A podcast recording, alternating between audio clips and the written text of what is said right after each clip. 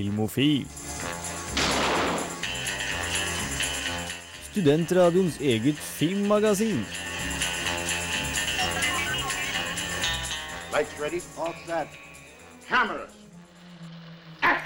Hallo, hallo, hallo. Velkommen til Filmofil på Radio Revolt. I løpet av de neste to timene skal du få filmnyheter, kinoanmeldelser, videonytt, ukas filmlåt og selvfølgelig ukas serieanbefaling. Jeg heter Kristine Rokkan Eriksen og er endelig tilbake i radioen! Og som med meg for å dele gleden er Gaute Eliassen. Ja, de andre Ja, jeg gidder jeg ikke. Nei, de- Camilla skyldte på sykdom, og Jens Erik skyldte på skolearbeid. Jeg vet ikke. Ja. Så det er bare oss to i dag, da. Ja, men det skal vi få til. Ja da. Ja. Og vi skal også få besøk av eh, Johanne Hegge Bjørneby, som skal snakke om et foredrag eh, om, eh, om filmlaging i Norge på lavt budsjett, som eh, Ja, det kan bli interessant. Ja. Men da får vi først eh, låta 'Bandolero' av eh, Vågsbygd Handy.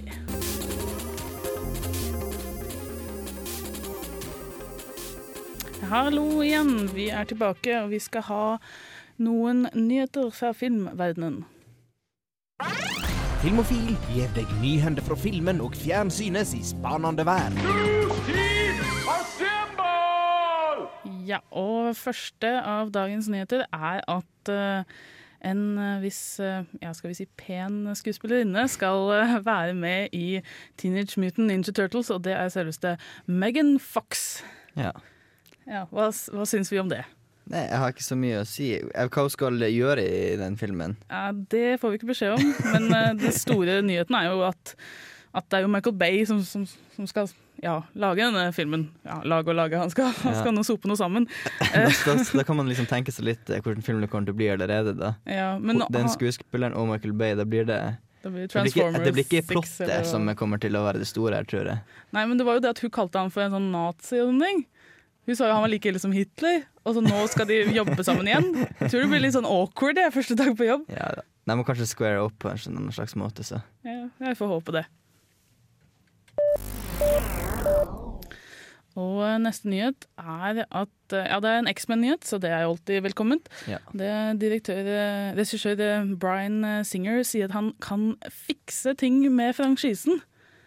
Ok, for- Fordi at den er for dårlig sånn som det er nå, liksom. Ja, han skal blant annet Altså, vi veit jo at The Last Stand er ja, mildt sagt vanskelig å se på Ja, for men- fansa.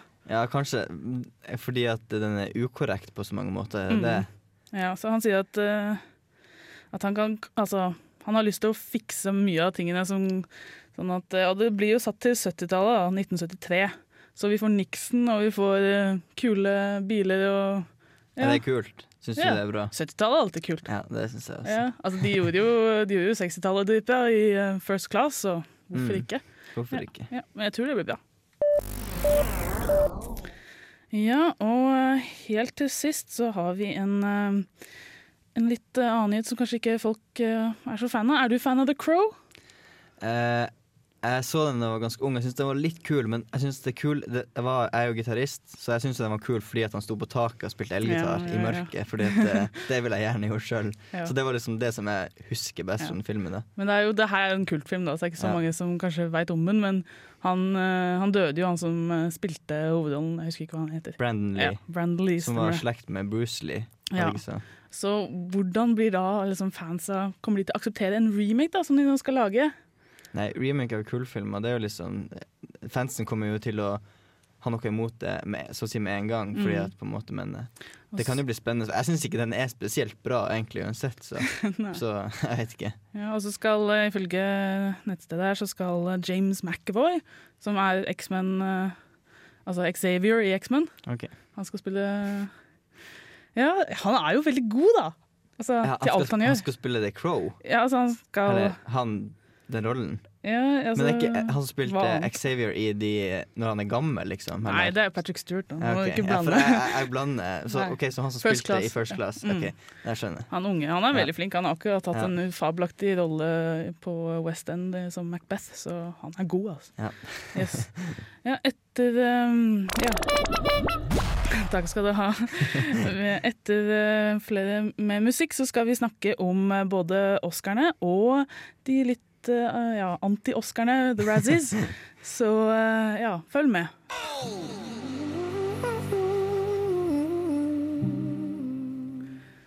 Ja, velkommen tilbake. Der hørte du 'Retrograde' av James Blake, og vi skal snakke Oscars. Det skal vi. Yes. For det, det var jo på søndag noe som var Ja, jeg satt oppe hele natta lang Åh, og jeg, jeg klarte ikke det. Jeg, hadde, jeg var så sliten etter lørdagen, så jeg måtte bare Jeg, tenk, jeg vurderte å se kanskje litt, men det er sånn der Jeg var så trøtt klokka tolv, Ja, så jeg klarte liksom ikke å holde meg til åpning engang. Sånn, så det Nei, det begynner jo ikke før to eller noe. Nei, nei, så jeg tenkte skal jeg virkelig sitte og vente i to timer, ingenting annet å gjøre, jeg er drittrøtt. Du må se på den røde løper, da. Det, det det Nei, det er ikke så interessant, syns Nei, jeg. Jeg driter i hvilken kjole de har på seg. Nei, det var noen sære, jeg må si det. Men vi skal snakke om filmene. Og ja, vi, eh, kan vi si hvilken eh, Hvilken var du skikkelig glad for fikk uh... Det er jo helt klart Jeg er jo dritglad for at eh, Tarantino vant Ja. beste originalmanus. Jeg ble så glad når jeg så det. ja, Også Christopher det- Waltz, at han fikk Ja, det var egentlig Jeg, hadde egentlig ikke forventa det siden jeg vant det for uh, Glorious Bastards også. Mm. Men, så det var, men jeg var mest fornøyd med at Tarantino vant for beste originalmanus, bare fordi jeg ikke hadde egentlig hadde trodd det. Ja, nei, det var, jeg ble skikkelig glad. Og eh, talen til eh, Christopher Waltz var Ja, den var den beste talen av hele natten, tror jeg. Han, eh, han takket sine mednominerte og sa liksom takk til Dr. King Schultz, som er karakteren hans, og mannen som skapte han. Ja. Og det var liksom kort og perfekt, sånn som Oscar-taler burde være. Ja. Ja, og det, det kan jeg også nevne mens vi holder på med taler, at når, i, i år, når de ja, gikk for langt, så pleier de å spille en, en låt, og i år så var det uh, Jaws-melodien. Oi, ja. Da, får man, da, blir man, da vet man hvorfor man skal Da gå, da. Ja, da blir da man, må vi jo- komme av når. Men uh, skal vi se. Men jeg har et spørsmål før vi går nærmere inn på, Fordi jeg så jo ikke det. Hvordan syns du han eh, Mm. eh, godeste uh, Seth MacFarlane klarte seg uh, som host? Det er veldig vanskelig. Altså, han var jo veldig sånn lett, og han, han var så veldig komfortabel ut i denne rollen, men samtidig så var noe av spøkene hans veldig, ja Mannehumor, for å si Ja. det. Altså, det var, han, åpna, altså, han åpna hele greia med at uh, han fikk en beskjed fra Captain Kirk fra fremtiden om at han hadde ødelagt Oscarene for alltid. Og han liksom bare Hva? Hvordan kan jeg ha gjort det? Og så viser de et klipp av han som synger en sang som heter We Saw Your Boobs. Uh, hvor han lister opp alle skuespillerinnene i salen og hvilke filmer de har vært, vært toppløs i. Men liksom, tenker ikke over at mange av de filmene er voldtektsscener og grusomme ting. Det tenker de ikke over, nei. Da. Det er bare at uh, We saw your boobs, yay! Og, det er jo veldig typisk han humor, Jo. hans humor, da. Måte. du kan jo liksom argumentere at han spiller på det at mannfolk er sånn. Det er det som er spøken, Mm. ikke det at uh, Men altså, der er en grense for meg over hva som er sånn At man kan unnskylde sånn humor, da. Og jeg syns ikke det var morsomt i det hele tatt. Nei, ok. Men eh, da har vi fått det unnagjort. Nå kan vi gå tilbake på Ja. selve filmene som eh, gikk av med prisene. Mm. Hvilken var mest overraskende, eller hvem syns du ikke fortjente det? Ah, det, det er vanskelig å si, for eksempel sånn som Jennifer Lawrence, siden jeg ikke har sett Civil Linings Playbook, Nei. så kan jeg liksom ikke si om hun fortjente den eller ikke. Nei. Men eh, jeg vet egentlig ikke hva Det var ingen som spesielt som jeg så som ikke fortjente det. Eller som, det var ingen spesielle overraskelser, da, bortsett fra Tarantino, syns jeg. så Jeg hadde en litt da, overraskende øyeblikk når, når de eh, Når Brave fikk eh, sin for beste Mm. anim... Altså, jeg, jeg likte jo Brave, men altså, i forhold til Paranormal og Wreck-It Ralph og Ja. Jeg trodde Paranorman sk- var, altså, skulle Men det er jo typisk at Pix, Pixar Ja, går av med litt Oscaren, så det er liksom Jeg ble litt paff, det, fordi Ja. den, den var jo flå, eh, fin. Men ja.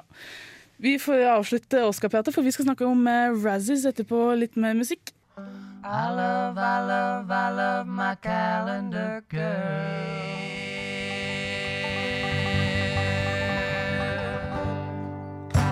Der hørte du eh, Woo lureslutt. Ja, det har jeg hørt. du uh, Story of a Life uh, Calendar Girl av uh, Shaky Graves. Jeps. Og vi skal bevege oss fra The Oscars til The Razzies, som er, altså, de, for de som ikke veit det, er et slags anti-Oscar som nominerer de verste av det verste. Så egentlig så når man får en Razzie Award, så kan man egentlig ikke si at man har vunnet. For det står sånn winners, men det, du har jo på en måte liksom, Du har vunnet i å være dårligst. Men eh, ja. Halle Berry er vel mest kjent for å ha dukket opp for å akseptere sin Hun er den eneste som har liksom hatt en takketale på The Razzies. Eh, ja man må ha hun- litt selvironi. Ja, hun vant jo for uh, Catwoman, så Ja. hun fortjente den. På en måte Som vi ser her, så er jo selvfølgelig Twilight sikkert nominert i alle kategoriene. Og på en måte de skuespillerne Jeg tror de vet at det er dritt sånn Ja, jeg vet ikke. Jeg tror eneste av de som, eh, de som har vunnet altså Adam Sandler er kanskje den som er minst sånn klar over hvor dritdårlig han egentlig er. Altså, han vet at han er ikke noe liksom, Oscar-kandidat, men jeg har en sånn følelse at innerst inne så tror han at han er kjempemorsom. Ja, jeg vet ikke. Jeg, jeg tror ikke jeg har sett en bra komedie med Adam Sandler. Jo, hvis du går tilbake til The Wedding Singer og sånn, sånn tidlig Adam Sandler. Jeg husker en film som heter Punch Drunk Love, som jeg syntes var morsom med han. Ja. Og da spilte han egentlig ikke Det var egentlig liksom ikke en ordentlig komedie, da var det bare sånn gærning. Ja, jeg er veldig glad i Little Nicky, jeg, bare fordi den er sånn sykt Ja, okay. Nok Adam Sandler. Han vant eh, for verste skuespiller, i hvert fall, i år. Så var det mest, eh, som sagt, Twilight eh, vant for the Worst Picture, Worst eh, Screen Ensemble, Worst Director, Worst Actress. og Worst Screen Couple, som er mellom Taylor. Laughter og Mackenzie Foy, som spilte datteren da i Twilight Breaking Dawn Part 2. Så Det er jo ingen overraskelse. Og så vant Rihanna en pris for Battleship for Worst Supporting Act- Ja, den har jeg ikke sett. Nei, ikke heller. Men Nei. Den er sånn for å putte en kjendis inn i en film, så Mm. jeg vet ikke. du var, sang ikke, liksom, så nei, takk hva faen gjorde jeg der? Det var jo en drittfilm også, som jeg hørte, så. Mm. Ja. Nei. Så ja, tror du Jeg tror kanskje at folk som Altså de sånne best, worst movie, da. Kanskje flere folk ser den for de tenker at kanskje den er så dårlig. At Ja, det er på en måte jeg- gøy det, å se den. Det er garantert mange som tenker akkurat det. Jeg, er litt sånn Jeg gidder ikke å bruke en og en halv time på å se noe jeg vet blir dårlig. For, Mm. for jeg, ja, men jeg, jeg vet at det er sykt mange som syns det er sykt artig å se på skikkelig dårlige filmer. Altså jeg, jeg så Twilight uh, på kino. Jeg har sett Ja, ja. alle Twilight-filmene på kino. Jeg synes det er og jeg har ikke sett noen. Så jeg tror kanskje jeg må se Battlestar, bare fordi hun vant. Eller tapte, ut ifra hvordan man uh, ser det. Yes. Men Ja. eh, ja, så det var uh, Razzies. Vi skal ha uh, kinopremiere, selvfølgelig, men først så skal vi ha litt mer musikk. Og vi skal høre på On My Knees eh, av Billy Van.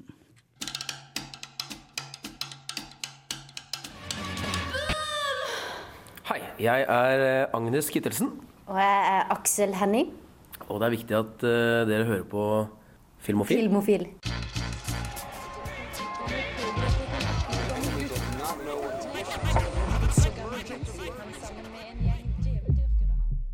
Der hørte du 'Æresdrap' av eh, Don Martin. Og eh, vi skal høre på en eh, kinoanmeldelse som jeg har laget. Og jeg har vært og sett, jeg har vært og sett på Knut Hamsuns 'Victoria'. Og jeg forstår det sånn at du hadde lest den, Ja, og ikke den. du så den. Og Nei, det er jeg litt sur for. Det, det er ikke sånn at jeg husker den boka så godt at jeg gidder å lese den. Jeg, jeg begynte ikke å gråte engang når jeg leste den, for jeg tenkte det var det jeg tenkte at jeg skulle gjøre, da, siden det er sånn der kjærlighetstragedie, Ja. uff, sykdom og gamle dager. Og. Men eh, jeg vet ikke, jeg syns ikke boka var sykt bra lesing, så jeg gleder meg til å høre hvordan du syns eh, filmen var. Ja, men da gjør vi det med en gang. Min kjæreste Johannes. Når du leser dette brevet, er jeg død.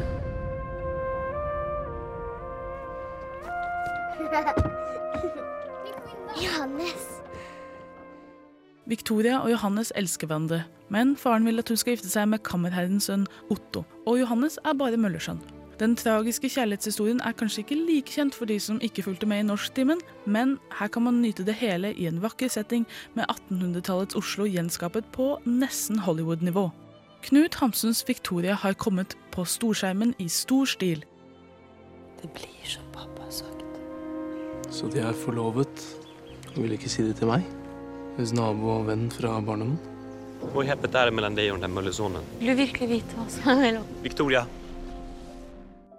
Victoria er et klassisk kostymedrama, og har veldig mange av de riktige ingrediensene til å tilfredsstille fansa av denne sjangeren.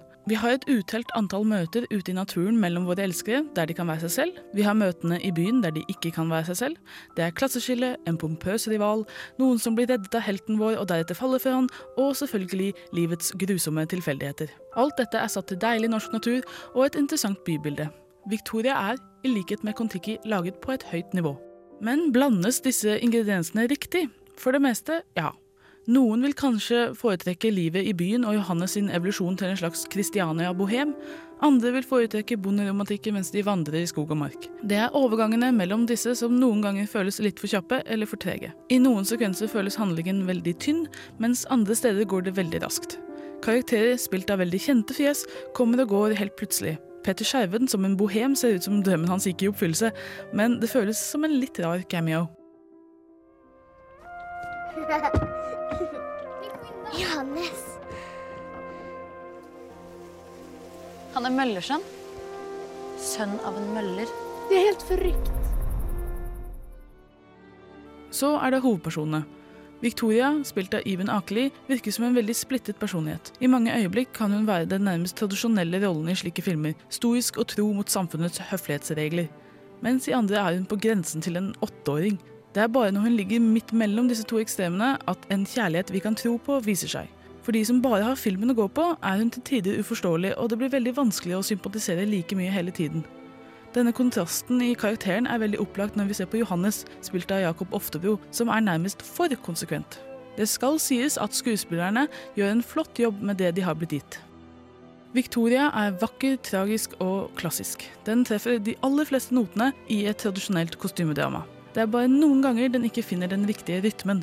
For en som ikke har lest boken, men elsker kostymedramaer, må jeg si den holdt meg underholdt. Men jeg tror nesten den hadde fungert best som en miniserie.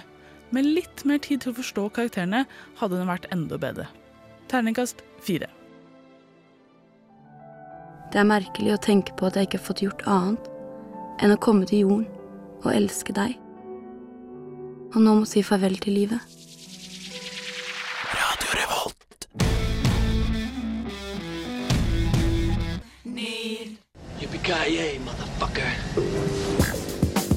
Du lytter til Filmofil på Radio Revolt.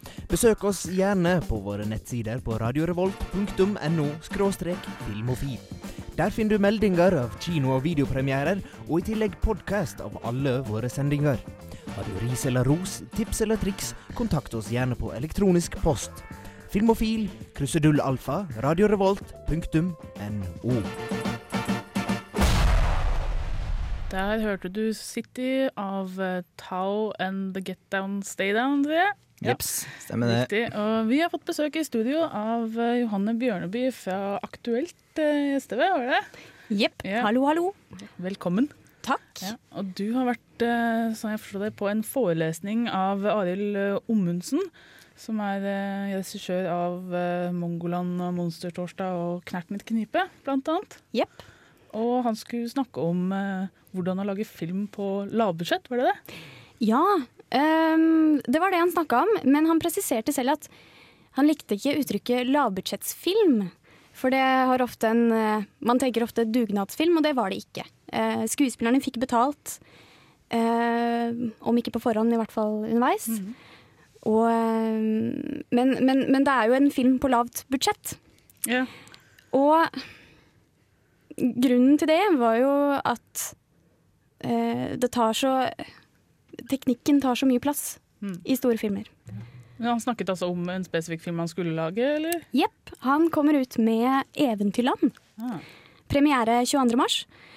Um, som er laget da med Arild uh, Østin Ommundsen som regissør, kameramann, lydmann og egentlig Og lysmann også. Uh, og da skuespillere. Ja. Mm.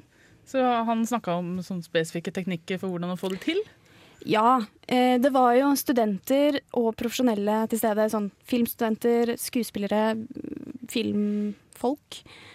Sånn at det ble litt sånn utstyrssnakk. Men, eh, men ja, det var jo snakk om å ha kamera på skulderen og sendere på ryggen og eh, alt mulig på seg, da.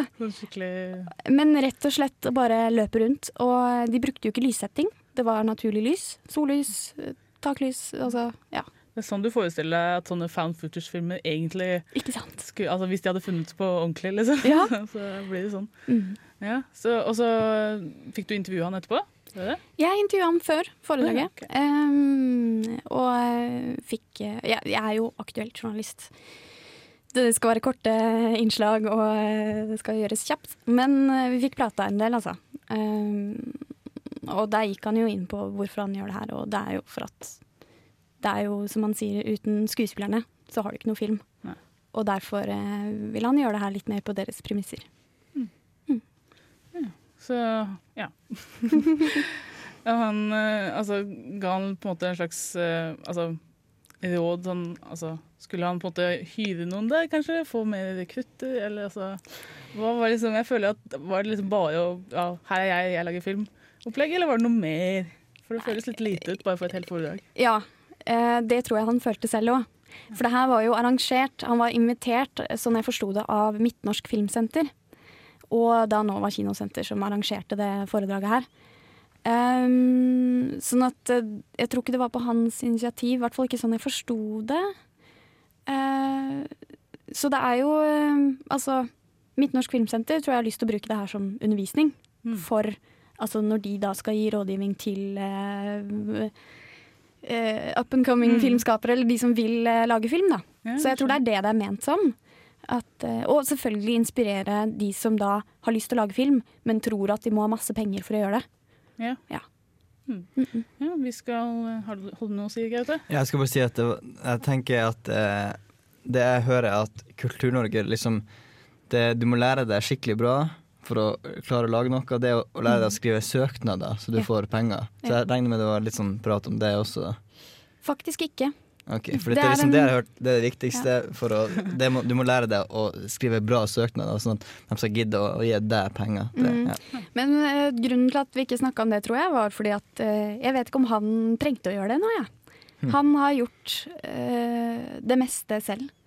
Altså, Mongoland vet jeg ikke så mye om. Jeg bare vet at Da var det ikke snakk om å skrive søknader, da var det snakk om å gå på den baren de visste at uh, filmfolka var under filmfestivalen Mm. i Stavanger, liksom.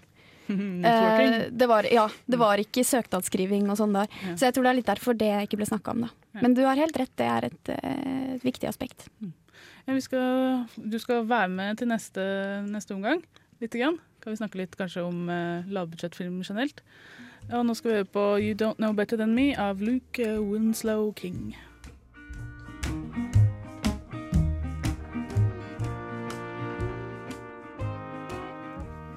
Velkommen tilbake til Filmofil. Vi har besøk av eh, Johanne Bjørneby, som snakker om eh, Arild Ommundsens filmskaperteknikk. Og ja, vi skal snakke litt om lavbudsjettsfilm. Og du kan jo snakke litt om hva du så, for han viste visst uh, klipp fra filmen han skulle lage. Mhm. Jeg skal bare tygge litt pære også. Um, sulten. Um, ja, hva jeg så? Vi så jo noen klipp fra filmen, og traileren ligger også ute på YouTube. Uh, vi fikk se de første fire minuttene. Um, og, og sånn. Nei, um, sånn at eh, det jeg så, var jo på en måte Det var jo sammenklipte scener. Mm. Og så så vi dem, og han forklarte hvordan de hadde blitt eh, laget. Og eh, for eksempel en scene der eh, hovedrollen eh, slåss eh, veldig ufrivillig med en ganske stor mann. Hovedrollen er da en kvinne. Eh, og vi får jo vite på en måte hva, hvordan det her har blitt gjort og alt sånt. Og det, hun sier jo, skuespilleren Silje Salomonsen, at altså jeg tok i alt jeg kunne. Jeg er sterk, men altså, jeg gjorde alt jeg kunne for å slippe løs, og jeg fikk det jo ikke til. Eh, så det er på en måte ekte, det man ser. Eh, og det er særlig et klipp hvor hun da, etter å ha slåss kjempelenge med denne fyren, blitt slått i bakken tusen ganger, og setter i og løper i grunt vann. Og så ser du han komme bak, og han er i dobbel fart. Og hun løper jo alt hun kan. Sånn at eh, det er liksom sånne anekdoter da, som har vært eh, morsomt å høre om. Um, hvor de på en måte har tatt De vet hva de skal, hvor de skal, og hva de skal si, men rammene er ikke Altså rammene er der, men ikke Ja. alt det andre. Så, sa han noe om eh, sånn, hvor mye filmen kosta? Altså hvor, hvor budsjettet Altså, han sa jo innleda jo Altså, Mongoland lå på sju millioner etter at Altså, etter kinoting og tang. Altså, sluttbudsjettet lå på 7 millioner. Um, Monstertorsdag 13 millioner. Uh, Knerten knipe 24 millioner, tror jeg. Mm. Og nå er vi da nede på 3,5 millioner. Ja. Uh, Sammenligna. Og den har jo ikke gått på kino ennå, så Mm. Sånn at vi får se. Ja. Det er jo en del penger for det. da Det fins filmer som lages enda Å ja. Det er, ikke, det, er ikke, det er ikke snakk om at man lager det til en tusenlapp. Det er ikke det det handler om. Men, eh, men det her er jo ikke at de har fått 3,5 millioner og har brukt 3,5 millioner sånn. Det er jo eh, Det her er produsent og regissør har tatt ting fra egen lomme. Mm. Eh, De, støtte vet jeg ikke, om- men jeg vet ikke åssen sånt funker. Men, men det regnes. Altså Mongoland med sine sju millioner regnet som, ble regna som en uh, lavbudsjettfilm. Ja. Gaute, har du noen favoritt sånn low budget uh, indies? Ja, jeg er litt sånn som jeg sa, uh, jeg tenker liksom ikke heller over så mye om dem er når Så det kan godt være at jeg har noen filmer som er lavbudsjett som jeg liker, men akkurat nå så kommer jeg ikke på noen. Nei. Så Ja. Min er i hvert fall uten tvil eh, Clerks, som er eh, kultfilm. Eh, hvis ikke folk har sett den, seriøst, se den. ja, den, den ligger på Netflix. den ligger på Netflix, og den er, eh, den er sær, men altså, den er sånn herlig sånn, for slacker-generasjonen. da. For oss som er eh, i midten av 20-årene. Vi kjenner oss igjen i, i denne filmen. To duder som bare sitter inne på sjappa si og ja, venter på Håper at ingen skal komme og kjøpe noe, rett og slett. Fordi de skal heller spille hockey på taket og sånne ting. Ja. ja, men da Takk for at du kom, eh, Johanne. Jo, tusen takk for at jeg fikk komme. Ja, bare hyggelig. Eh, Vi skal eh, høre på litt mer musikk. I Won't Forget av Nei, unnskyld. Metal and Dust av London Grammar.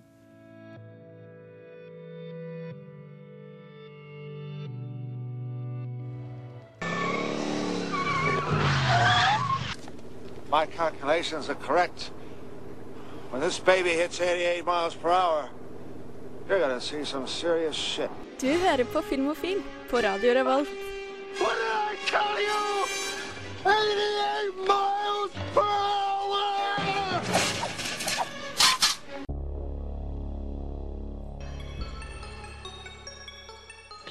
Sam. Det er jo alltid å ha musikk når den er påtent. Helst noe indisk eller pakistansk. Ukas filmlåt. Ja, Gaute, du har tatt med filmlåta. Det har jeg gjort, eh, og det, det er en litt spesiell eh, greie jeg har tatt med i dag. Fordi at eh, Wes Anderson, regissøren som jeg liker veldig godt, lagde i 2004 en film som heter Life Aquatic with Steve Cissot. Ja, sånn veldig typisk han tittel. Det handler om en gjeng som drar ut på en båt og prøver å finne sjeldne fisker.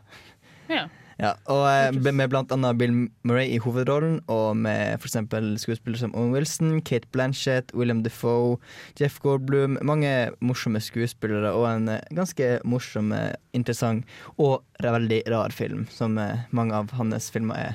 Det er det nok, tviler jeg ikke på. Men nå er det jo filmlåt, og så er det sånn at eh, i, en, I filmen er det en fyr som heter Seu Jorhei, eller noe sånt. Jeg vet ikke hvordan det uttales. Men han spiller eh, en karakter som heter Peledos Santos.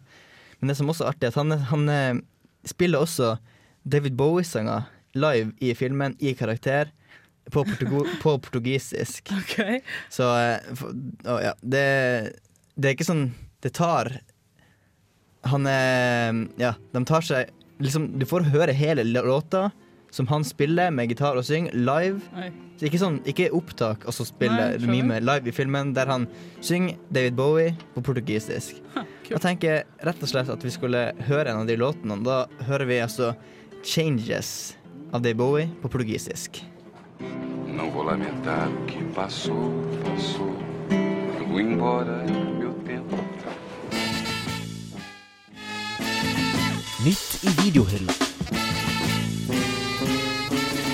Rykende ferske digitalfilmer som du kan ha i din heim. Velkommen tilbake til Filmofil. Og eh, vi skal se på Videonytt, men det er dessverre veldig lite å ta, eller hva, GT? Ja, det var mer enn forrige uke, for da var det bare sånne barnefilmer. Nå er det heldigvis litt sånn det, Ja, det, er litt bedre fordi om det ikke kan sies å være bra, men eh, ja. Mm. Det, ja. det er jo mye ukjent, selvfølgelig, sånn som jeg vet ikke, sånn der en action rett på DVD-filmer. The Ja. Sweeney, Universal Soldiers Mm. og The Mule. Men vi også, som vi nevnte, så er jo Battle Så i stad som vant Razzie, Ja. så er Battleship. Så hvis du har lyst til å Hvis du er en fyr som samler på filmer som vinner Razzie, så er Battleship Mm. ute, som du kan kjøpe til odel og. Så kan du se Rihanna spille en dårlig rolle så mange ganger du vil. Yay. En annen film vi kan eh, ja, drite litt på, det er eh, Paranormal Activity 4, som jeg var jo så veldig glad i da den Ja. kom på kino. Ja. Det, ah, jeg har ikke ord for hvor mye jeg hater den filmen der, og for guds skyld ikke Ga du den én eller to? Ja, én. En. Total én. Jeg hadde gitt den null hvis det fantes på terninger. Så fortsatt, det er mye for folk som, hvis det er folk som samler på dårlige filmer. Ja. Så her er enda en. I dag, ja. Så, ja, så er det noe som heter Little Deaths. eh, Det, er, det ser veldig ut som ja, sånn dårlig skrekk, egentlig, ut fra coveret. Da Det kan hende at noen kjøper det bare for coveret fordi det er naken den kjerringen der, så hvorfor ikke? Det kan godt være. Ja. Um, nei, det er veldig lite. Og, jo, Chalet Girl, vet du hva, den har jeg sett! det kom jeg på nå. Chalet Girl. Så jeg pga. at den gikk på TV, og det var absolutt ingenting som gikk. Og det er sånn dritdårlig romantisk komedie om en sånn jente som eh, blir eh, Hun blir sånn servitrise på sånne, sånne leie Sånn svært diger sånn fjellhytte da, som folk leier. Så er hun servitrise der, og så forelsker Mm. seg i sønnen i den rike familien som kommer på besøk. da. Men hun egentlig vil, det er å vinne i snowboardkonkurransen. Det står 'This Year's Bridges Jones' på nei, coveret. Nei, nei, nei, nei, og dobbelt nei. Den er så sykt teit, men åh, nei, sukkersøt drit, altså. Ikke se den. Nei, vi har noe annet, da. Vi har noe bra.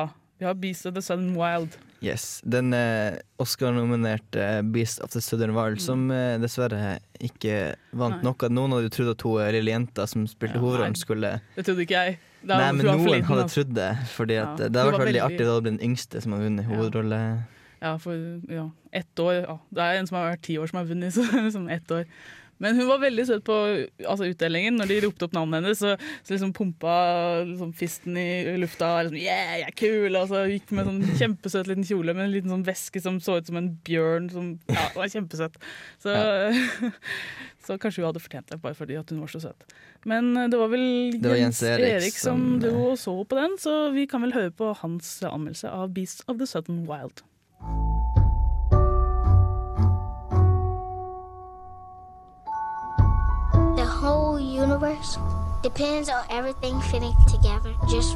Beasts of the Southern Wild er det mange filmanmeldere noe klisjéaktig ville kalt en såkalt indie-perle. En film laget på lavt budsjett med et lite crew som pløyer ukjent mark sammenlignet med de store Hollywood-produksjonene. Sør for de store dikene som beskytter staten Louisiana mot naturkreftene, ligger øya The Bathtub. Et relativt uavhengig samfunn med få innbyggere, men enorm livsglede. På denne øya bor seks år gamle Hushpappy sammen med sin alkoholiserte far Wink. Livskvaliteten er ikke akkurat det man kan kalle normal, men innbyggerne i The Bathtub klarer seg helt fint på egen hånd.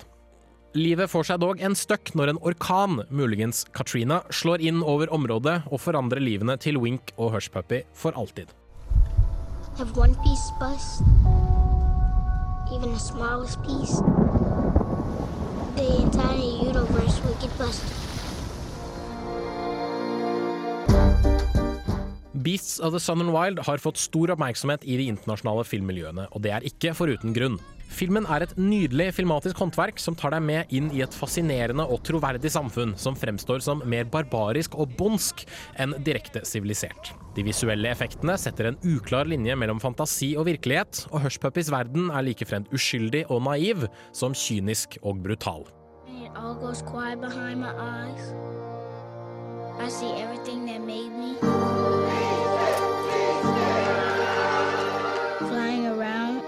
In pieces.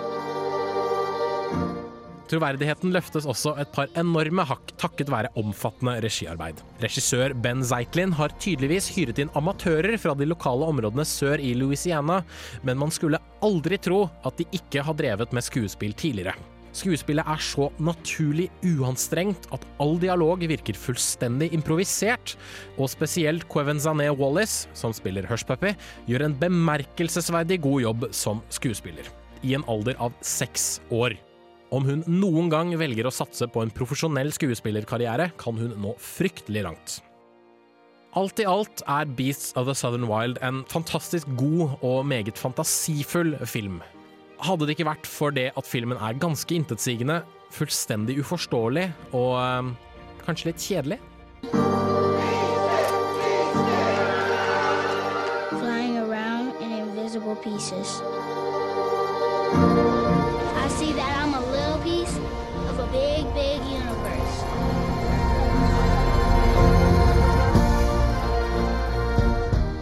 Alt det positive jeg har sagt om filmen stemmer, men til tross for godt skuespill og spennende tematikk, føler jeg aldri at filmen vil noe sted. Jeg får aldri noe poeng ut av handlingen, til tross for at det virker som om den forsøker å si noe dypt og meningsfullt. Jeg har også vanskelig for å binde meg til de to hovedpersonene Hushpuppy og Wink. Winks bisarre versjon av barneoppdragelse er ikke spesielt inntagende, og Hushpuppys fantasiunivers er for uhåndgripelig og udefinert. Jeg har tidligere satt stor pris på filmer som visker ut skillet mellom fantasi og virkelighet, men da har det alltid vært brukt til noe matnyttig, og ikke bare fordi regissøren tilsynelatende følte for å ha det med i filmen. Jeg ville så inderlig like denne filmen, og fant mye jeg ser på som beundringsverdig fra et rent filmatisk ståsted. Men innholdet, opptrappingen og konklusjonen er for løs, for flytende og så uinteressant at jeg sjelden klarte å virkelig leve meg inn i filmen. Etter en briljant åpningssekvens går det hele dessverre bare nedover, og ender som en uforståelig skuffelse. Terningkast tre.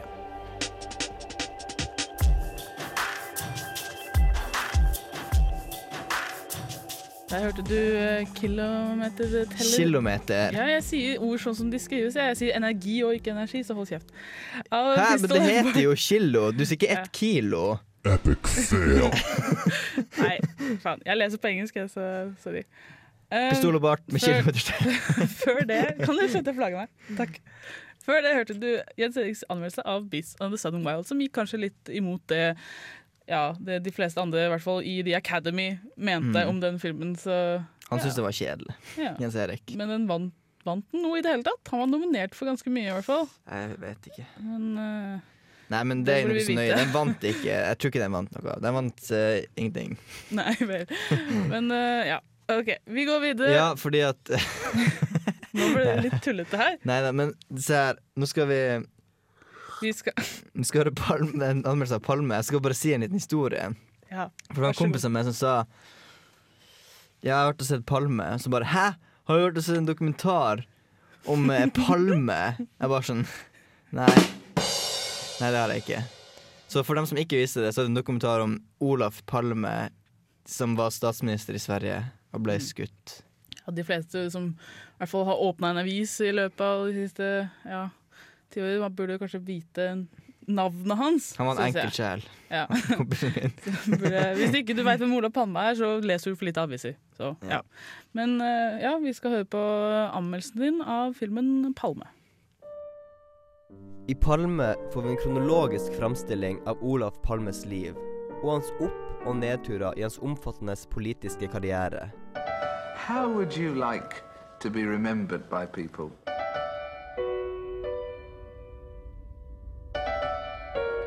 I don't mean that you're going to die tomorrow, thank God you're not. But uh, what would you like your obituary to say? Måten det her er gjort på, er i typisk dokumentarstil. Altså, vi intervjuer kollegaer, familie, venner og andre som på en eller annen måte er tilknytta Palme. Imellom intervjuene får man klipp som er gjort av hovedpersonen, sammen med en voiceover som setter inn i situasjonene. That I have never thought of. And I hope that I will, up to the very last breath, not think of it. Because I think so. The- The moment people begin to think of their obituaries, they start to be scared, they don't dare to do things, and they lose their vitality. Olaf Palme var absolutt en såpass interessant person at en dokumentarfilm var på sin plass. Jeg ble i hvert fall veldig imponert over alt han utretta, og posisjonen han faktisk hadde i Sverige. Men også den internasjonale interessen folk hadde for ham. Regissøren har vært flink i utvelgelsesprosessen om hva som er relevant å ta med. For det hoppes ganske fort framover, men man føler likevel at man får et meget godt og helhetlig inntrykk av Olaf Palmes liv. Nå skal jeg se her. Bombningen av Nordvietnam måste upphöra.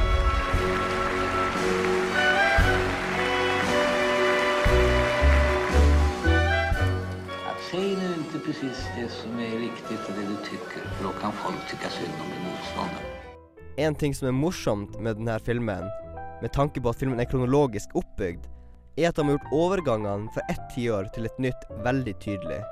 Det vil si at straks hippietiden starter, får man et klipp av Beatles og hippier, sammen med passende psykadelisk musikk. Og når man går over til 80-tallet, får man klipp av aerobic-trening sammen med cheesy synthpop. As we are here on earth, we're doomed to be on this earth, we should try to make life as decent as possible. That is really, very simply, the basis of my political ideology. That's what, what politics is about. Palme er en dokumentar som gir deg akkurat det du forventer, og absolutt ingenting mer. Hvis du vet lite om svensk politikk og Olof Palme, er det en perfekt innføring, som er akkurat passe underholdende til at man ikke kjeder seg. Terningkast fire. Veronica, Veronica. Wait a minute. You ain't heard nothing yet. Wait a minute, I tell you. Listen to them.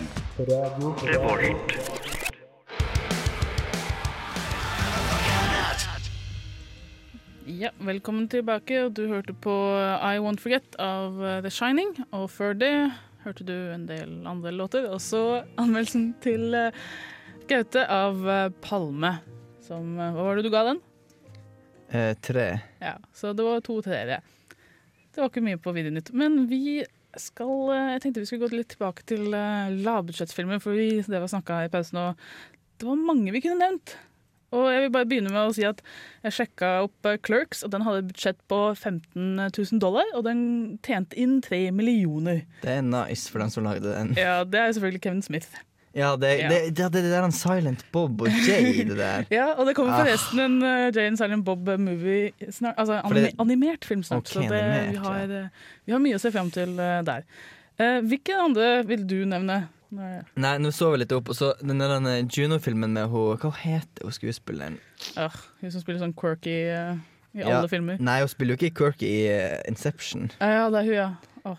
Men uansett, hun og Juno, det handler om, da, om eh, en tenåringsjente som blir gravid, der eh, faren er Michael Cera, i en ganske tidlig Michael Cera, som er sin vanlige usikre tenåring i den filmen.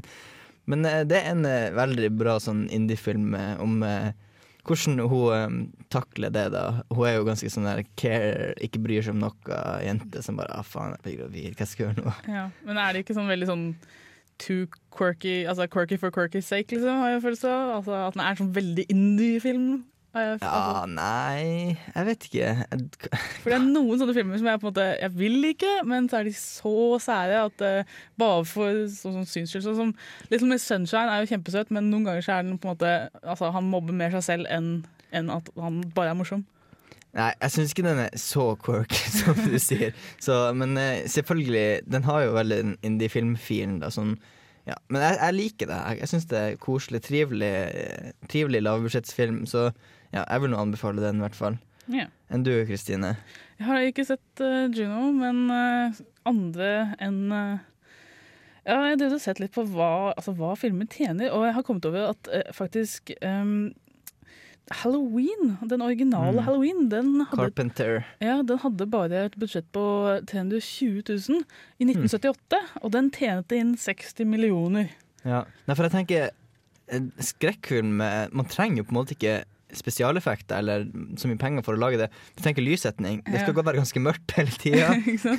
Og så er det liksom ketsjup eller hva Ja, ketsjup, og de mørke så ser Ja. ketchup Det ser maske, ekte nok ut. hjemmelagd maske. Ja, det er liksom bare en maske på hodet, en kniv, Ja. så har vi Ikke nå lenger, da, men den gang da. Ja, den gang da, så var det enkel skrekk. Og den er jo bra, vil jeg si. Den Mm. originale. Det er, nå er Gunnar veit hvor mange Halloween-filmer det er nå. Men eh, ja. Og det, ja, jeg, jeg har også en så på eh, Hva det heter den filmfestivalen vi bruker å være på? Kosmorama. Kosmorama, herregud. Der så jeg og Jens Erik en film som heter The Guard, som var veldig, yeah. veldig kul. En sånn uh, irsk Jeg tror den er irsk eh, opprinnelse. Om uh, en liten bygd, her er en bygd, en liten landsby i uh, en plass i Storbritannia, i hvert fall. Der eh, det kommer en sånn der mafiagjeng, og det skjer masse mord og dritt. Og så skal han liksom eh, det, Han er en sånn politimann, da, som Så kommer FBI fra USA, og så Det blir liksom sånn buddycop-film på en måte også. Men det er skikkelig morsomt, og jeg tenkte overhodet ikke av over at det var en lavbudsjettfilm før man liksom Den kom jo i fjor, var ikke det? Mm. Og det må tenke på at i dag så er det jo utstyret mye billigere enn det var på 70-tallet. Så selv om den hadde et budsjett på skal vi se, 6 millioner, så er det lite i forhold til Hollywood. ikke sant? Så da er det lavbudsjett. Mm. Men den kan se veldig fin ut for det. Ja, Altså, den, for den gjorde jo det. Det var masse fint Ja, landskap, og til og med noen eksplosjoner. Men en gang jeg ser en eksplosjon, så tenker jeg ja, nei, Nå er det stort. Nå er det ja, men altså, nå, jeg er så vant til å se på YouTube-filmer, og det er sykt hvor fine de ser ut i dag. Altså, det er full HD, liksom. I, eh, ja, nei, det, du trenger ikke mye peng for å lage bra. Altså, så lenge det er bra skrevet og det ser kult ut. Så. Nei, det er sant, faktisk. Mm. Ja, skal vi, vi snakker litt mer om kanskje dårlige lavbudsjettfilmer Ja. etter, etter litt mer musikk, da. Mm.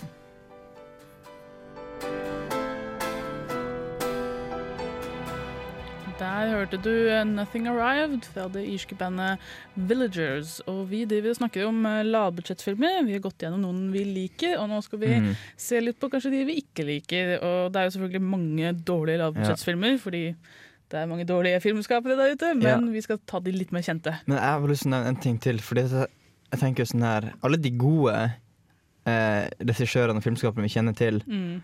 har jo begynt som sånn, Så egentlig så er det sånn at eh, hvis, han, hvis en god regissør holder på noe, så har han garantert lagd noe relativt bra når han var Mm. yngre også. Så jeg tenkte på, Hvis du har sett 'Following' av Christopher Nolan, hans første film Det er sånn det, jeg, tror ikke, det bare, jeg tror ikke det kunne kosta noe. Den er svart-hvitt. Det Ja. er bare en fyr som følger etter en annen fyr og så finner ut at han er seg sjøl skikkelig metashit. Men eh, Og mange kjente regissører har jo vunnet i sånn Mm. shortfilm-Oscar Ja, ja. og sånne ting. Så ja. Men uh, vi, vi går inn på litt, eh, litt, Ja. litt dårlig, da, som, som er litt eh, kjent, Ja. selvfølgelig. Det er en stor sjanger i, innenfor det er jo selvfølgelig skrekk. Dårlige lavbudsjettskrekk. Mm. Uh, for eksempel, jeg er ikke fan, det har jeg kanskje fått med dere, av Paranormal Activity-serien. og selvfølgelig nummer fire hadde sikkert et enormt budsjett, det vet jeg ikke hvor stort var, men Den ja. første hadde i hvert fall eh, Den første hadde relativt vel lite relativt budsjett.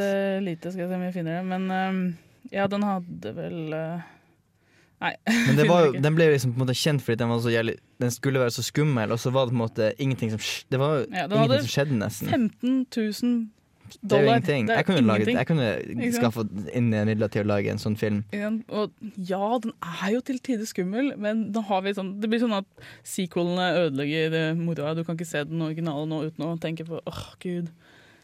Liksom, hadde du bare stoppa der, Ja. så hadde det vært egentlig den perfekte indie-filmen. Men men eh, det, sånn kommer det aldri til å bli i Hollywood. Hvis en, en ting, en film slår bra an, så blir det oppfølgere. Ja. jeg- Så det er liksom jeg syns ikke hypen er sånn altså, Den fortjener ikke all hypen den har. Nei. Fordi selv den originale er, det er jo bare sånn jump scares.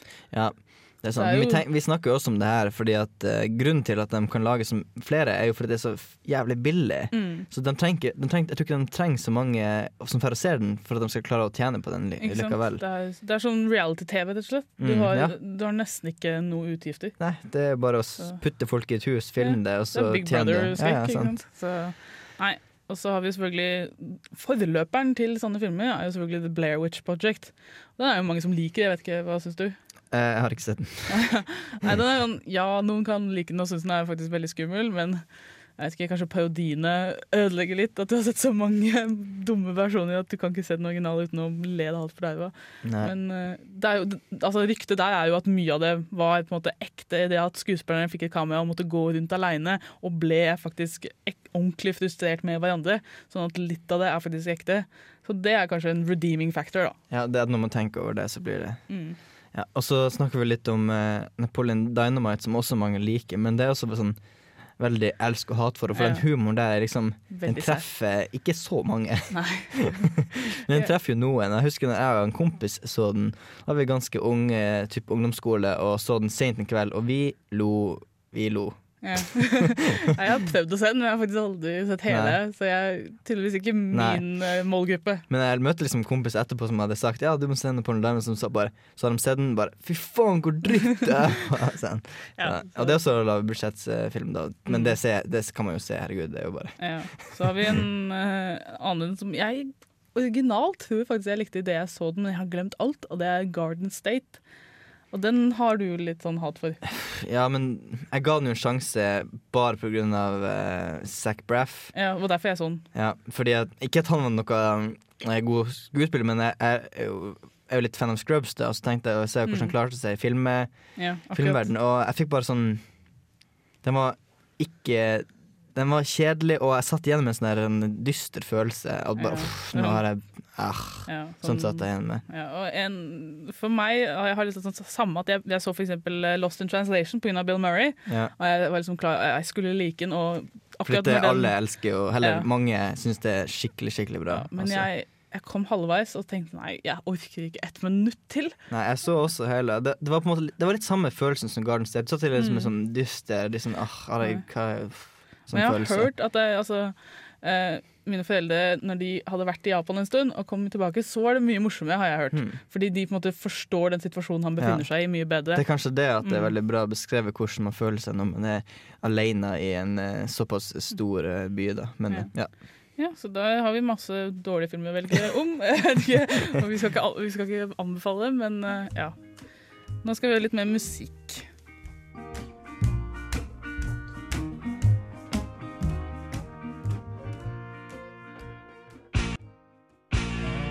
Hei!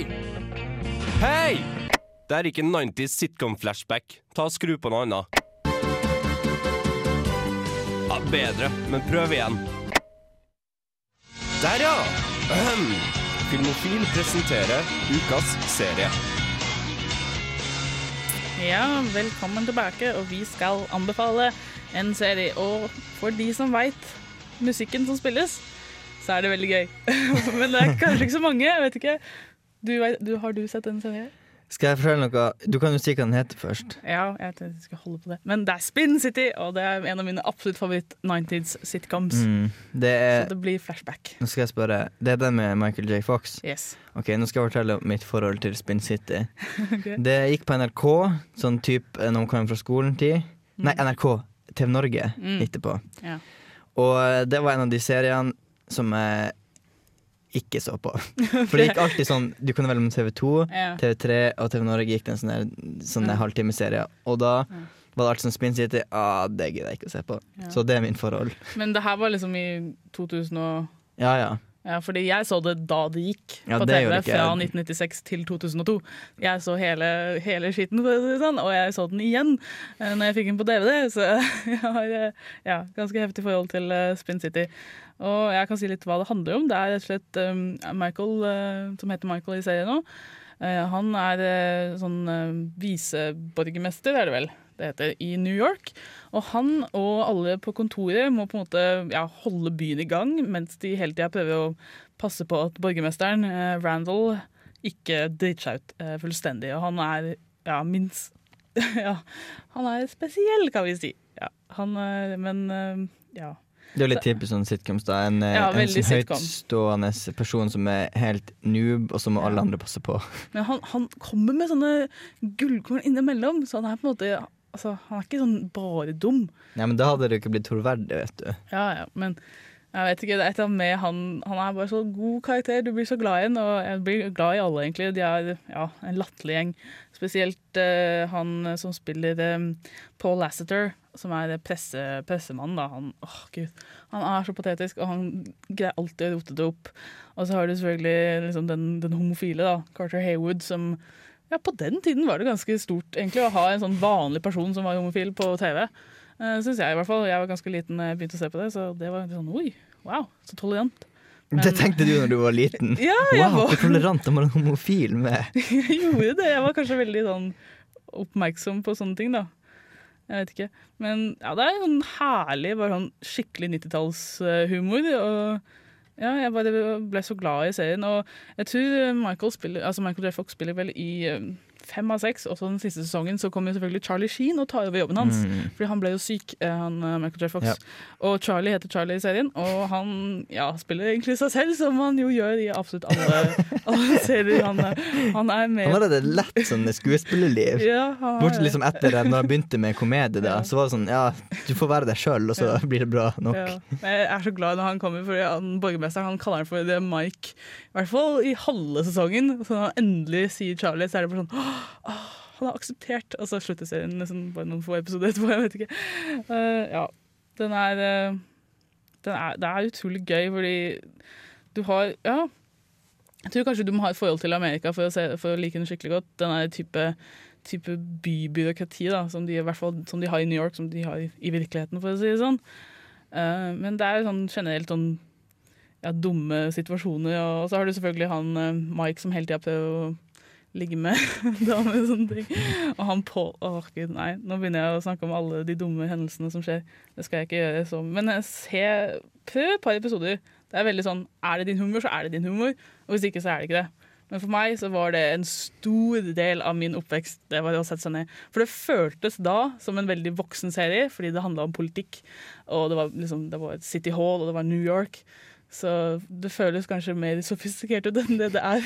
Kanskje det var derfor jeg skippa over når jeg så det. Kanskje det. Kanskje jeg var veldig Ja. sånn ja. Jeg var Tenkte ikke på sånn. Homofile bare- rettigheter og alt mulig rart. Jeg var veldig rart, tydeligvis. Nei, men øh, ja. Jeg tror det, det er det jeg må kan si om, om Spitz City. Og, og hvis dere har sett den, så veit dere hva jeg snakker om. At det er bare sånn åh, deilig å bare se på Sin City og, øh, Spin City og bare liksom skru av huet litt. Det er deilig. Sånn som de fleste sitcoms er. Det, Ja, du ser det ikke for å få eh, Nei. føde til hjernen, du ser det for å Ikke sant? ah, bare sitte ned og bare Det- la den Mm. halvgode humoren komme. Ja, det er sånn som Married with Children og Just Shoot Me, som jeg, tror jeg tror heter Blush på norsk. Men den så jeg også på, og Jeg, f- jeg vet ikke hva noe av det her er. Nei, jeg Det høres ut som du har levd i en annen tid Altså, oh, Two Guys, A Girl in a Pizza Place, for, selvfølgelig. Som er også en herlig serie. Men bare alt 90-talls sitcoms har jeg vært borti. Så. Det er Ja. ikke bare Friends som har eksistert, du! Nei, jeg Nei, nå skal, vi, nå skal vi eh, ta litt mer, eh, mer musikk. Vi skal høre på uh, Unorthodox av uh, Jodi Bada.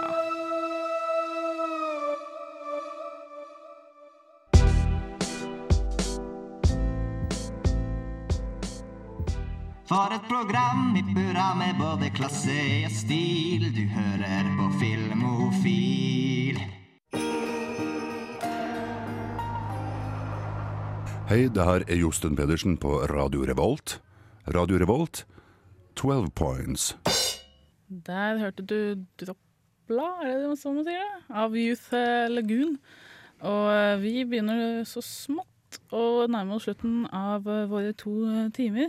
Vi kan ta en liten Oscar-oppramsing. eh, Altså, Ja. Vi snakka jo liksom om dem, men vi har jo egentlig ikke sagt hva, hvem som vant hva. eh, Så vi kan jo gå litt kjapt igjennom dem og si hva vi syns. Mm. Argo selvfølgelig vant eh, beste film. Ikke overraskende. Ikke overraskende Ikke i det hele tatt. Ikke overraskende at Daniel Day-Lewis vant for Lincoln heller. Nei, jeg har dessverre ikke sett den ennå, men jeg antar at uh... Den var, han var jo superflink, selvfølgelig, men han er jo en skuespiller i særklasse. ja, han, Day-Lewis. han er den første som har vunnet tre Oscarer for Mm. beste skuespiller. Mm. Så det sier jo litt. Han er en veldig sånn kresen skuespiller. da. Han Mm. spiller ikke ofte i filmer, så Nei. Og de filmene han eh, tar, dem blir han som oftest Oscar-nominert Oscar for. Så. Ja. Så er det selvfølgelig Jennifer Lawrence i Silver Linings Playbook, som ja, alle er jo så sykt glad i henne på internett at det er litt skummelt. eh, Så det var ikke noe Men jeg, jeg tror ikke jeg har sett henne i noen filmer, faktisk. Uh, jo, du har jo sett uh, Har du ikke sett Hunger Games? Jo. Ja. Er det hun som har hovedrollen? Hunger Det Games? er ja. Så okay, så ja. hun ble jo nominert også for Winter's Bone. Det Ja, litt, i fjor, ja. Nei, ja, Det er ikke i fjor. Ok, i forfjor, Det er- det er For jeg husker når Det var break, breakthrough-rollen hennes, det. Ok. Ja. Så vant selvfølgelig Anne Hathaway for eh, beste kvinnelige Ikke supporting. Ikke overraskende det Nei, hun fortjente det, altså. Fy flate. Ja, men det jeg har hørt at det mange At hun fortjente det skikkelig, da. Så. Mm. Uh, skal vi se hva annet er Christoph vi ikke- Waltz som uh, Ja, det supporting, det nevnte vi, så Mm. det er jo morsomt. Uh, Life of Pi vant ganske mye. Cinematography, directing Så var det noe mer òg, jeg husker ikke alt. Den, den fikk sitt Den fortjente i hvert fall. Ja, og kanskje minst mest forventa uh, foreign film vant jo selvfølgelig Amor. Ja. Som var liksom Du er nominert Det- i beste filmkategorien også. Ja. Hvis du ikke hadde vunnet for beste utenlandske film, så hadde det... det hadde bare vært mystisk. Så Ja. vi visste jo egentlig at Kon-Tiki Den fikk stå med en nominasjon der, så. Ja. Jeg er litt altså, jeg, hadde, jeg trodde aldri Kon-Tiki skulle vinne, men jeg hadde litt lyst til det òg. For det hadde vært gøy at, Ja, både, at begge Kon-Tiki-filmene ja, ja, men at begge Kon-Tiki-filmene ja, skulle ha vunnet, liksom. Det Mm. hadde vært stilig. Det hadde jeg. vært stilig, absolutt. Ja. Jeg, var litt, jeg var litt skuffa at uh, Hobbiten ikke fikk for uh, makeup and hairstyling. Altså, for de dvergene der er, er awesome, altså. Og altså, Les Miserables, de ser skitne ut. That's it, liksom. Ja. Ja, så det ble jeg litt skuffa for. Eh, best music, uh, Life of Pi selvfølgelig. Og, men, men beste sang gikk til Skyfall, Mm. Adele. Og ja, den fortjener det, for ja, hun synger så sykt bra. Eh, og det er en bra sang, syns jeg. Ja, det er en eh, av de bedre Bond-låtene. Og så ble jeg, jeg, ble veldig glad når The Paperman vant eh, beste shortfilm, fordi den er utrolig søt. Selv om Maggie Simpson er søt ennå, så så- ja, Maggie du- Simpson. Ja, det var nominert. Handler det om Maggie Mag- Simpson i The Longest Daycare. Uh, var en, det er en veldig søt liten uh, tegneserie om at hun blir, altså, hun blir satt av på, uh, i barnehagen, og så er det en sånn slem drittunge som vil drepe en sommerfugl, og så hun gjemmer den. ikke sant? Så det er jo søtt nok, men Oscar, nei. Paperman er Ja, det er en svart-hvitt uh, tegna Disney. Short eh, om en sånn mann som ser en jente på togstasjonen han syns er veldig søt. Og så lager han en sånn paper airplane. eh, og ja, og altså, han, lager, han skal prøve liksom å sende det til henne, da. For han ser henne et, etterpå eh, gjennom vinduet på der han jobber, så han driver og sender mange sånne brev til, prøver å få tak i henne. Og så liksom flere hundre til slutt, og så plutselig så, så flyr de av seg selv og på en måte dytter han mot henne. Og det er sånn sykt gøy sånn Ja, jeg vet ikke. Det er et magisk øyeblikk. Ja. Veldig søt film som fortjente Oscaren. Yes. Eh, Det var egentlig, jeg tror egentlig det er det viktigste. ja, det er de viktigste av, eh, av de. Ja. Vi hadde jo én kinopremiere. Ja, bare én. Og det var Knut Hamsuns eh, 'Victoria'. Og jeg ga den en firer, fordi jeg er veldig glad i kostymedramaer, dessverre. Mm. Så hvis du ikke er det, så får den sikkert ikke en firer av deg. Jeg er veldig skuffa over at de velger å filmatisere Victoria. Jeg vil heller at de skal lage en remake av Ja. Sult, fordi at eh, jeg syns Sult er sykt bra. Men den, treng, trenger faktisk en remake, for det var så sykt Mm. lenge siden den ble laget. Jeg husker den. ingenting fra den, for jeg så den klokka to på dag to i, under vår maraton, så Ja. den er helt borte fra meg. Eh, så hadde vi besøk i studio av Johanne Bjørnby, som snakket om eh, Arild Jeg er usikker, men eh, det kan vi også nevne at Jens Erik var jo også der, og han skulle Ja. lage en sak på det som kommer ut på radiorevolt.no om ikke så altfor lenge. Ja, så det blir gøy. Og det er jo interessant å vite hvordan liksom, film blir skapt. Det syns jeg er veldig gøy. Jeg ser alltid Mm. på sånn making of videos. Hvis man har en Så- liten filmskaper i magen, så må man Ja. ut saken når den kommer. Yes, Også, For å få litt tips. Og så Eh, var det jo ukas filmlåt fra Life Aquatic med Steve Sussa og Wes Anderson-film med Bill Murray i hovedrollen. Der det var en eh, portugisisk fyr som sang David Bowie sin 'Changes' på portugisisk, som jeg valgte å spille av som ukas filmlåt. Og jeg anbefaler også filmen veldig sånn Veldig, veldig Wes Anderson-type film. For så noen som liker den, eh, se, liker han, må se den. Mm. Og så var det ukas serie, som var den Uber 90-talls eh, Spin City, som jeg vokste opp med. Og ja, det er en blanding av politisk humor og bare latterlig humor. Og sånn seksuelle intriger, selvfølgelig. Hvem, skal, hvem kommer til å ende opp med hvem-opplegg. Og ja, bare herlige skuespillere. Mm. Og så ja, da må vi si takk for oss. Og vi må selvfølgelig takke tekniker. Jonas. Og så gå og lik oss på Facebook Ja, og last ned podkast og Ja, alt og mulig nå har vi fått nye, flotte hjemmesider på dusken.no. Mm, så det å der. Så det blir gøy. Så får dere ha en eh, flott uh, torsdag kveld, og uh, det er på kino i helga.